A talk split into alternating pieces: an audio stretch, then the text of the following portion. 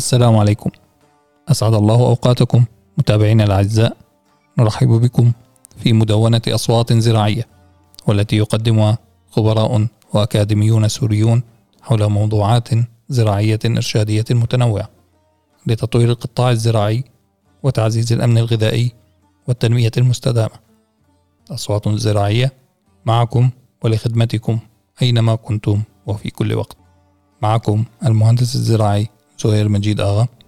حلقة اليوم حول التحديات التي تواجه القطاع الزراعي بسبب الكوارث الطبيعية وأولويات الاستجابة لدعم المزارعين ومربي الثروة الحيوانية. ضيفنا اليوم الدكتور المهندس شاهر عبد اللطيف دكتوراه في مجال التقانة الحيوية والزراعة المائية وخبير في مجال الأمن الغذائي والتنمية المستدامة.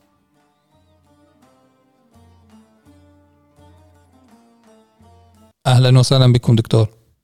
حياك الله أهلا أستاذ زهير. شرفتمونا في مدونة أصوات زراعية دكتور. بارك الله فيكم بالسادة المستمعين والمتابعين لمدونة أصوات زراعية. سلامكم الله. دكتور اعتبر القطاع الزراعي بشقه آه، الإنتاج النباتي والحيواني ركيزة أساسية لتوفير الغذاء للسكان في سوريا ومصدر عمل لشريحة واسعة من المزارعين والمربين والعمال الزراعيين. وأحد مصادر المواد الزراعية للتصنيع الغذائي. عانى هذا القطاع في نعم. ظل استمرار الصراع لأكثر من عشر سنوات كغيره من القطاعات التعليمية والصحية والخدمية والإنسانية. وإضافة إلى ذلك جاءت الكوارث الطبيعية المتمثلة بالزلزال الذي ضرب شمال غرب سوريا وجنوب تركيا إضافة إلى التغير المناخي وموجات الجفاف والفيضانات لتزيد من هذه التحديات التي تواجه هذا القطاع.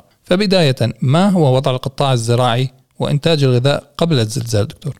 حقيقة هذه المعاناة التي يعانيها اليوم القطاع الزراعي ممتدة لما قبل الزلزال وحتى ما قبل الصراع فبالأساس المزارع ما كان يأخذ حقه أصلا حتى ما قبل الصراع. المزارعين بشكل عام كانوا بيعانوا من ضعف الدعم الحكومي أو محسوبية حتى الدعم الحكومي، كان في غياب للاستراتيجيات التي تبنى على الحقائق، تبنى على دراسة الوضع القطاع الزراعي وبالتالي وضع آه، خطط للنهوض بالقطاع الزراعي وتأخذ بعين الاعتبار تطوير هذا القطاع ودعم المزارعين.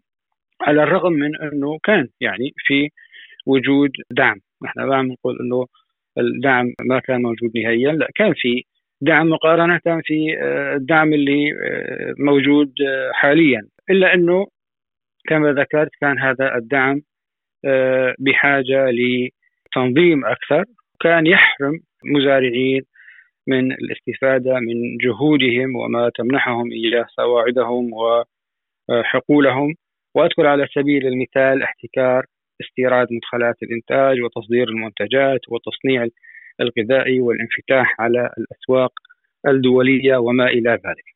نعم. أه، دكتور الآن بعد أكثر من نعم. نعم. تفضل.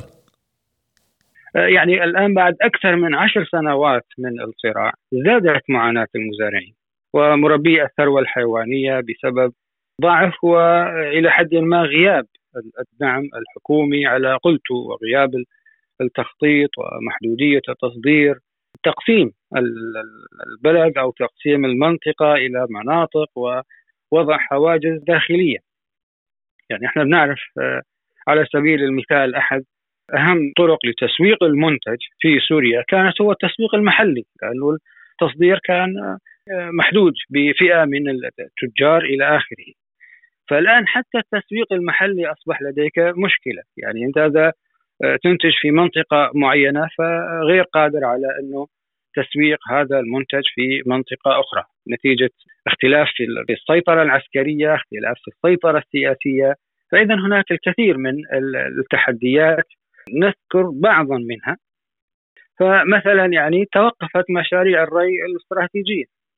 وهذا آه، يعني قد يكون أحد أهم التحديات اللي واجهت القطاع الزراعي لأنه نحن عم نتحدث عم نتكلم عن منطقة آه، أصلا تعاني من آه، نقص المياه وتعاني من آه، موجات الجفاف تعاني من من ندرة المياه بشكل عام منطقة سوريا بشكل عام تعاني من نقص المياه. فاذا هذه المشاريع المشاريع الري الاستراتيجية كشق قنوات الاستفادة من مياه نهر الفرات أو البحيرات والى آخره لسنا بصدد يعني التعداد أو الإشارة لهذه المشاريع لكنها توقفت آه، هذه المشاريع آه، التي كان من المخطط لها أن آه، تصل وتروي آلاف الهكتارات. نحن نعلم يعني عندنا في المنطقة الفرق شاسع وكبير بين بين الزراعة المروية وبين الزراعة البعلية. قد يسمعنا مزارعين من مناطق أخرى ومن دول أخرى حيث لا يكون هناك فرق كبير بين الزراعة المروية والزراعة البعليه، عندنا في سوريا الفرق شاسع جدا يعني قد يتضاعف الإنتاج أكثر من مرتين أو ثلاث مرات آه، بين الزراعة البعليه والزراعة المروية وقد أيضا بعض الزراعات لا يمكن أن تكون أن تتم زراعتها إذا لم تكن مروية وتتوفر آه، المياه. تحدي آخر أيضا هو آه، يعني غياب آليات دعم المالي للمزارعين أو ما يسمى بالقروض الزراعية، يعني تعرف أستاذ زهير كان سابقا سواء كان عن طريق الجمعيات الفلاحية أو بدأت بعض البنوك حتى الخاصة في تمويل مشاريع زراعية. وحقيقة التحول يعني للزراعة التي تعتمد على التكنولوجيا وعلى اساليب حديثة يعني تستوجب مثلها مثل أي مشاريع أخرى. وجود آه، تمويل. للأسف آه، بسبب الصراع وغياب الأمن وما إلى ذلك فتوقفت هذه المشاريع التي تعتمد على يعني الدعم المالي أو على القروض واصلا يعني هذه الآلية لم تعد آه، موجودة. من التحديات أيضا ضعف التسويق الخارجي لأنه من أحد دعائم تنمية القطاع الزراعي كان إنه التصدير حتى يعني تزيد قيمتها اليوم بيعها في الأسواق سواء كانت الدول المجاورة أو الدول الأوروبية، هذا الموضوع أصبح يعني جدا معقد وسهل وإن كان يتم فيتم بشكل يعني غير غير رسمي. أيضا هناك لاحظنا فوضى في استيراد المنتجات، غياب الرقابة وهذا كله أثر على يعني نوعية وكفاءة مدخلات الإنتاج سواء كان البذور سواء كان الأسمدة بالتالي يعني ممكن حصول آه، أو حدوث بعض الأضرار على البيئة وخاصة فيما يتعلق بالأسمدة والمبيدات إذا ما كان في رقابة عليها من حيث التركيز من حيث الجودة والنوعية. أيضا تضررت البنية التحتية للطرق أيضا هذا عامل جدا مهم آه، وللبنية التحتية للتصنيع الغذائي من خلال يعني تضرر أو آه، تدمير بعض المنشآت وبعض المعامل وما إلى ذلك. كل هذا يؤثر على أو أثر خلال السنوات العشر الماضية على القطاع الزراعي وإنتاج الغذاء بشكل عام. آه، هناك أيضا تحدي آه، مهم. يعني لم ألاحظ الحديث عنه كثيرا وهي هجرة رؤوس الاموال، يعني كان في رؤوس اموال تستثمر داخل بلد في المشاريع الزراعية نتيجة الوضع الراهن والمستمر آه، لأكثر من عشر سنوات. رؤوس الأموال هذه هجرت ومثل ما هو معروف بأن آه، رأس المال آه، جبان. فمن الذي سيستثمر في مشاريع زراعية حقيقية وكبيرة وفي ظل هذا الوضع الراهن الغير مستقر والغير آمن؟ أيضا آه، شاهدنا في الفترة الأخيرة يعني موجة من ارتفاع الأسعار والغلاء بشكل عام سواء كان على مدخلات الإنتاج على النقل على الوقود. فكل هذا أيضا يعني انعكس وبشكل آه، كبير على المزارع في سوريا. في غير دول نتيجة مثلا ارتفاع أسعار الوقود نتيجة ارتفاع أسعار الشحن فكان في مساعدات فورية كان في مساعدات طوارئ المزارعين لتغطية هذا الفرق الكبير وتعويضهم بنسب الخسارة، قصد بأنه أي تغير في الأسعار العالمية المزارع مضطر أنه يعني يتحمل هذه النفقة، في حين بأن في دول أخرى فالمزارع لا يتحمل هذه النفقة أو على الأقل جزء كبير من هذه التكاليف يتحملها المزارع. أيضا آه، هناك هجرة خبرات وهجرة أصحاب مهارات تقنية المطلوبة في القطاع الزراعي سواء كان من مزارعين يعني هناك مزارعين كانت لديهم خبرات عالية اضطروا للنزوح اضطروا للهجرة أيضا مهندسين زراعيين أو أكاديميين يعني هذه الخبرات التي لا يمكن أن تعوض في سنة أو في سنوات قليلة. أيضا تراجع جودة التعليم لأنه أساس أي تنمية هو العنصر البشري. فإذا كان العنصر البشري غير مدرب ولا يمتلك خبرات كاملة يبقى هذا تحدي لإحداث أي آه، تطور. أيضا هناك اختلاف في المعدات والآلات. ارتفاع تكاليف المعيشة بشكل بشكل عام، المزارع هو أحد الناس اللي ساكنين أو اللي قاطنين في هذا البلد. فلما ترتفع أسعار المعيشة هو أيضا يعاني من من هذا الارتفاع ومن هذا التضخم. وهذا ما حدث حقيقة بأنه حتى المزارعين الذين كان لديهم قدرة في بداية الصراع من خلال المدخرات الموجودة لديهم أو المعدات الموجودة لديهم تم استنزاف هذه القدرة المالية. ولو سألنا أي مزارع اليوم سيقول بأن حاله كان أفضل في السنوات الأولى والثانية. من وضعه الحالي لأنه كل شيء موجود عنده مدخرات حتى بعض المزارعين اضطروا إلى بيع بعض المعدات فعم يضطر إنه يبيعها لحتى يبقى مستمر في أرضه وفي حقله. هناك مشكلة أخرى أو تحدي آخر ضعف المشاريع الزراعية الإنسانية سواء كان من حيث الحجم ومن حيث التمويل وأيضا من حيث النوعية باقتصارها على الجانب الإغاثي وغياب التنمية مع إنه يعني في الفترة الأخيرة أصبحنا نسمع بعض التوجهات لإدراج المشاريع التنموية الزراعية في خطط الاستجابة الإنسانية وسأعلق على هذا الموضوع لاحقا في اليوم. أيضا التغير المناخي وغياب خطط الاستجابة زيادة عدد السكان في منطقة محدودة وهنا يعني أخص بالذكر آه، شمال سوريا وشمال غرب آه، سوريا حيث تضاعف العدد باكثر من مرتين عما هو كان عليه في الحالة الطبيعية وبالتالي هذا شكل ضغط على الموارد الطبيعية مثل المياه واستخدام الأراضي الزراعية لإنشاء المخيمات وسيما المخيمات العشوائية.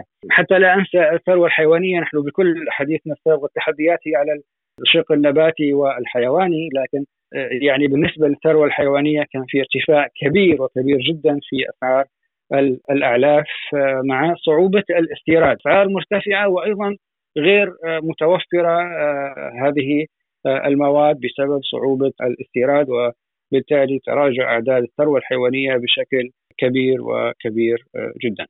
نعم دكتور حقيقة الوضع تحديات كثيرة.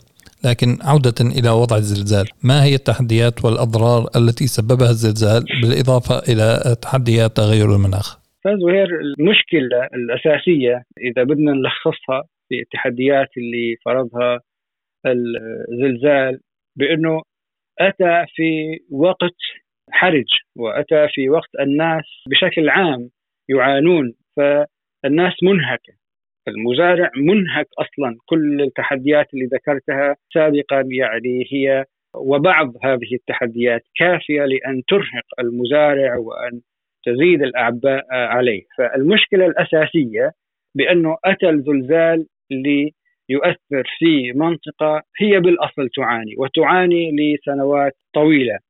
لكن هناك أيضا تحديات أضافها الزلزال. هذه التحديات على سبيل المثال يعني تضرر شبكات الري والآبار وانخفاض في مستويات المياه الجوفية وهناك بعض التقارير التي تشير إلى هذه الأضرار خاصة شبكات الري الأرضية أو التحت الأرضية. هناك تهدم لنسبة كبيرة من الآبار، الآبار الارتوازية. تعرف لأنه هي في الأرض فحدوث هذا الزلزال أثر عليها، ما زالت الأرقام غير أكيدة، نسب الأضرار غير آه، مؤكدة. لكن أضيف إلى ذلك بأن هناك خوف أيضا من حدوث تسرب واختلال في توزع المياه الجوفية وهذا الضرر آه، يعني قد يكون غير آه، ملموس في الوقت الحالي لكن ممكن أنه تظهر نتيجته في السنوات القادمة وأسأل الله أن لا يكون هناك أي أضرار. أيضا آه، تضرر الطرق وشهدنا انجراح تربة وحدوث فيضانات على سبيل المثال يعني آه، في منطقة على نهر العاصي في القرب من قرية الفلول. نتيجة الزلزال يعني حدث تضرر لأحد حواف النهر وبالتالي فيضان المياه اللي غطى أكثر من قريه وغمر آلاف الهكتارات واضطر الناس في تلك المنطقة إلى النزوح سواء كان في تلك المنطقة أو في غيرها. وبالتالي يعني تضرر المزارعين وأسرهم الناس اللي تضررت في الزلزال فنسبة كبيرة منهم هم بالأصل مزارعين كانوا يعملون في في الزراعة فاليوم هناك سؤال أيضا ما هو مدى الضرر الذي أحدثه الزلزال على المزارع وعلى القوى العاملة الزراعية. نتيجة أيضا الزلزال و يعني من المؤسف ان زادت المخيمات وبالتالي على حساب الأراضي الزراعية. أيضا توقفت عمليات التصدير والاستيراد لفترة محددة وهذا خلق تحدي في وقت كان فيه هو أصلا موسم زراعة يعني كان في ارتفاع ولا سيما في الشهر الأول ما بعد الزلزال ارتفاع كبير جدا في أسعار المواد الزراعية أو مدخلات الإنتاج. هناك أيضا تضرر للبنية التحتية للتصنيع الغذائي من تهدم بعض مصانع وورشات التصنيع الغذائي على بساطتها وعلى محدوديتها إضافة تضرر بعض المعدات الزراعية. هناك تضرر في الحظائر ولا سيما بالنسبة للدواجن. توجد العديد من التقارير حاليا التي تشير إلى انخفاض الإنتاج الزراعي لهذا الموسم ولهذا العام وبنسب يعني حقيقة مخيفة قد تصل إلى 50% ولا سيما بالنسبة المحاصيل الاستراتيجية. الزلزال لم يأتي لوحده كما ذكرت بل ترافق مع استمرار معاناة لأكثر من عشر سنوات وأيضا أضيفت له تحديات أخرى للتغير المناخي كما شاهدناه في السنوات الماضية من موجات للجفاف وموجات لارتفاع درجات الحرارة. حقيقة كل هذه العوامل لو كان هناك دعم مالي قوي سواء كان حكومي أو أن لدى المزارع هذه القدرة المالية أو توجد قنوات للتمويل سوف تكون محدودة أو سوف يتم يعني يمكن أن نتجنبها. لكن العامل الأساسي هنا بأن العامل المالي للمزارع هو بالأساس آه، يعني محدود وضعيف آه، جدا وبالتالي لا يوجد آه، إمكانية لدى المزارع لتحمل المزيد من الأعباء. أيضا أضاف الزلزال آه، عبء آخر على الاستجابة الإنسانية مرة أخرى على سبيل التحديات ف يعني بعض المشاريع اللي كانت أيضا مشاريع زراعية فتم إعادة تخطيطها وتوجيهها لتكون إغاثية. نعم نعم جزاكم الله دك... آه، خير دكتور آه، لكن وفق رأيكم كيف تصفون الاستجابة الإنسانية للمتضررين أقصد المزارعين ومنتجي الغذاء بعد الزلزال؟ في البداية يعني لماذا نركز على الاستجابة الإنسانية أو على على المشاريع وعلى المساعدات؟ حقيقة لأنها في ظل غياب الدعم الحكومي أو التمويل للمزارعين فتبقى هذه الاستجابة ويبقى هذا الدعم سواء كان عن طريق الامم المتحده أو منظمات دولية أو منظمات محلية هو الشريان الوحيد حقيقة لدعم المزارعين. فتغير هذا الدعم أو طبيعة هذا الدعم تؤثر بشكل مباشر على المزارعين وعلى مربي الثروة الحيوانية وعلى منتجي الغذاء وعلى الأسواق وعلى أسعار المواد الغذائية وفرص العمل وكلها سلسلة مرتبطة مع بعضها البعض. طبيعة الاستجابة ونوع الاستجابة تلعب دور هام وهام جدا إما في إبقاء الوضع على ما هو عليه أو تطويره وبالتالي إحداث تغيير آه، حقيقي وملموس. الزلزال يعني كشف ضعف الاستجابة الإنسانية لكي تلبي حاجات الناس بشكل عام. هنا نتحدث ليس فقط عن المزارعين في وقت حدوث الكارثة. كلنا لاحظنا يعني في الأسبوع الأول غياب أي نوع من أنواع الدعم الدولي. نتحدث عن الدعم الدولي لأسباب سياسية لأسباب تتعلق انه ما في خطط ما في صناديق مخصصة لهذا الموضوع. يعني هذا أمر آخر قد يعني يطول الحديث فيه لكن ما يهمنا هو النتيجة، النتيجة كانت بأنه ترك الناس في أول أسبوع يواجهون الدمار ويواجهون مصيرهم لوحدهم باستثناء ما رأيناه من استجابة من خلال الجمعيات المحلية، المنظمات المحلية، الفرق التطوعية على محدودية الإمكانيات التي كانت تتوفر إليها. وكانت النتيجة أن بقي الأشخاص لأكثر من أسبوع تحت الأنقاض وهم أحياء يصرخون دون مجيب. في الأسبوع الثاني بدأت الاستجابة على يعني تتحسن على استحياء في بعض المساعدات ولكنها أيضا آه، دون الحد المطلوب ولا سيما فيما يتعلق بالمعدات بعد شهر أصبحنا نرى بأن هناك الوضع تحسن وتم تخصيص الأموال للمساعدات ولكنها كما ذكرت معظمها تم توجيهه للمساعدات الإغاثية لأنه الهدف هو الحفاظ على حياة آه، الناس كأولوية.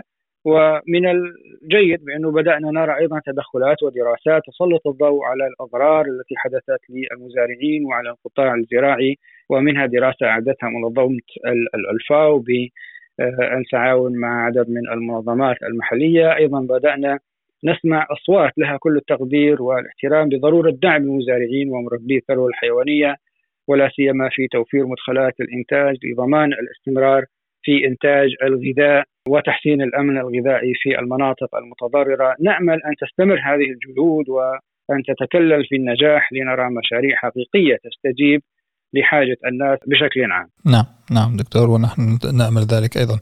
آه لكن وفق رأيكم ما هي أولويات العمل لدعم المزارعين ومربي الثروة الحيوانية ومنتجي الغذاء؟ آه حقيقة الأولويات كثيرة آه، بالإضافة إلى المشاريع التي يعني تم تنفيذها سابقا والتي يتم تنفيذها حاليا والتي تهدف لتوزيع مدخلات الإنتاج وبعض الجهود لدعم التسويق آه، إلى أنني كنت وما زلت أنادي بضرورة الإسراع في إدخال واعتماد المشاريع التنموية في مشاريع الاستجابة الإنسانية. المشاريع الإغاثية أو مشاريع الاستجابة الإنسانية الحالية في معظمها ينتهي مفعوله بمجرد انتهاء المشروع وأحيانا قبل انتهاء المشروع، بالتالي يعود المزارع ويعود الناس بشكل عام إلى دورة جديدة من الاحتياج ومن العوز.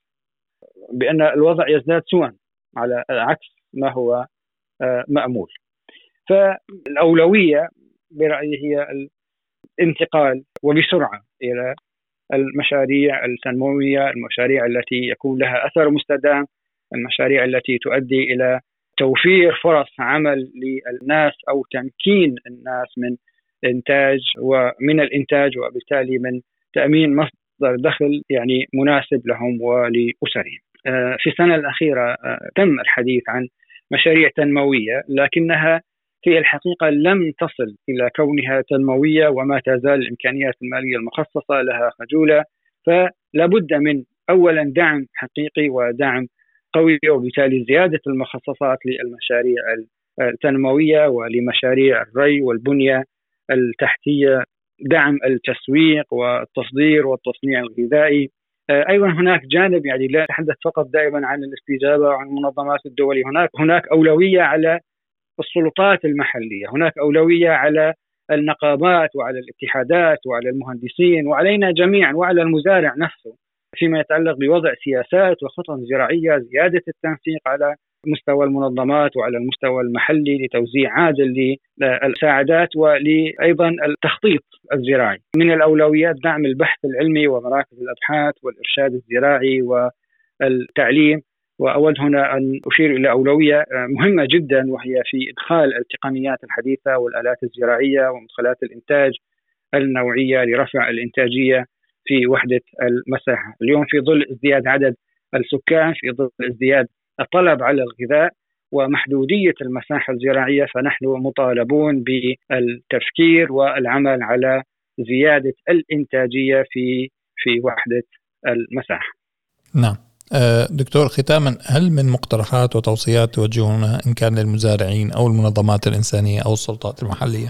الأخوة المزارعين يقومون بواجبهم على أكمل وجه، أكبر مؤشر لذلك استمرارهم في العمل بحقولهم منذ بداية الصراع إلى الآن لم يتخلوا عن أرضهم واستمروا في الإنتاج في أقصى الظروف وبالتالي لهم كل الشكر وكل التقدير وهذا يلزمنا على الأقل بأن نقف إلى جانبهم ونوجه الأنظار لدعمهم. فبارك الله في جهودهم لأن احتياجات الغذائية سوف تتزايد في السنوات الحالية وفي السنوات القادمة ولذلك لعله من المفيد بالنسبة للمزارعين. يعني بعض النصائح قد تكون فيما يتعلق في البحث عن أساليب زراعية جديدة، فالزراعة التقليدية لم تعد كافية، لابد من استخدام التكنولوجيا، لابد من التفكير في بعض أنماط الزراعات الحديثة، إدخال زراعات وأصناف جديدة، يعني كل هذه الأمور، التفكير في أصناف مقاومة للأمراض، مقاومة للجفاف، الاعتماد أكثر أو التحول لاستخدام الطاقة البديلة ولا سيما الطاقة الشمسية، استخدام الأسمدة العضوية والتقليل من المبيدات. آه، كما ذكرت انه التنوع في النشاط الزراعي لأننا نتحدث عن يعني بيئة غير مستقرة ف لذلك الأفضل التنوع في النشاطات الزراعية قدر الإمكان إدخال الزراعات البيوت المحمية إنتاج الأعلاف الخضراء. أيضا الترشيد والتقنين في استخدام المياه ولا سيما في حال استخدام الطاقة الشمسية. آه، لابد من أن نفهم بأننا نستخدم مخزون مائي وبالتالي هذا الخزان آه، قد يكون محدود. وزيادة صرف المياه واستهلاك المياه فعم يؤدي إلى إنه ينقص هذا المخزون. فقد يأتي يوم لا يجد فيه المزارع لا يصل فيه إلى المياه. وحقيقة يعني في بعض التقارير وبعض المقابلات مع الأخوة المزارعين هناك شبه تأكيد على تراجع مستوى المياه الجوفية، لذلك هذا الأمر جدا مهم. بالنسبة للمنظمات المحلية والمنظمات الدولية يعني حقيقة كان لها دور كبير آه، في استمرار العملية الإنتاجية وتبني المزارعين والحفاظ على الثروة الحيوانية من خلال المشاريع الإغاثية. هذه المشاريع ولا شك آه، كانت مهمة لاستمرار العملية الإنتاجية لكنها لم تحدث التغير المطلوب في الواقع الزراعي. ولذلك لابد من التفكير في أساليب الاستجابة وتدخل وبالتالي تصميم المشاريع لتقدم حلول واقعية تلامس احتياجات الناس وتلامس احتياجات المزارعين. كنا نتحدث عن القطاع الزراعي وكذلك مربي الثروة الحيوانية لابد من اعتماد المشاريع التنموية. هذا يعني ليس مجرد خيار هناك ضرورة جدا لأن نعتمد هذا النوع من المشاريع. نريد التفكير في مشاريع تستمر ما بعد انتهاء المشروع ويكون لها أثر يدوم لسنوات ونريد مشاريع تدر الدخل وتخلق فرص العمل وتؤمن حياة كريمة للناس. فكل الشكر لكل من يعمل ولكل من يجتهد لخدمة الناس وكلنا حقيقة مطالبين بالتفكير معا.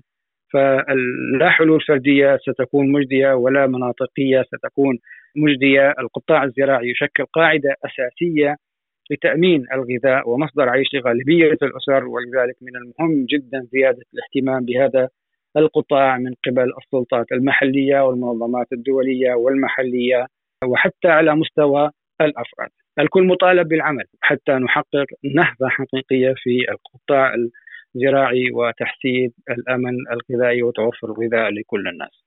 نعم ونحن أيضا نتوجه بالشكر الجزيل لكم دكتور آه، شاهر عبد اللطيف على هذه الحلقة المهمة وراجين أن تلقى اذانا صاغية في كل مكان شكرا جزيلا لكم دكتور كما نتوجه بالشكر لكم متابعينا.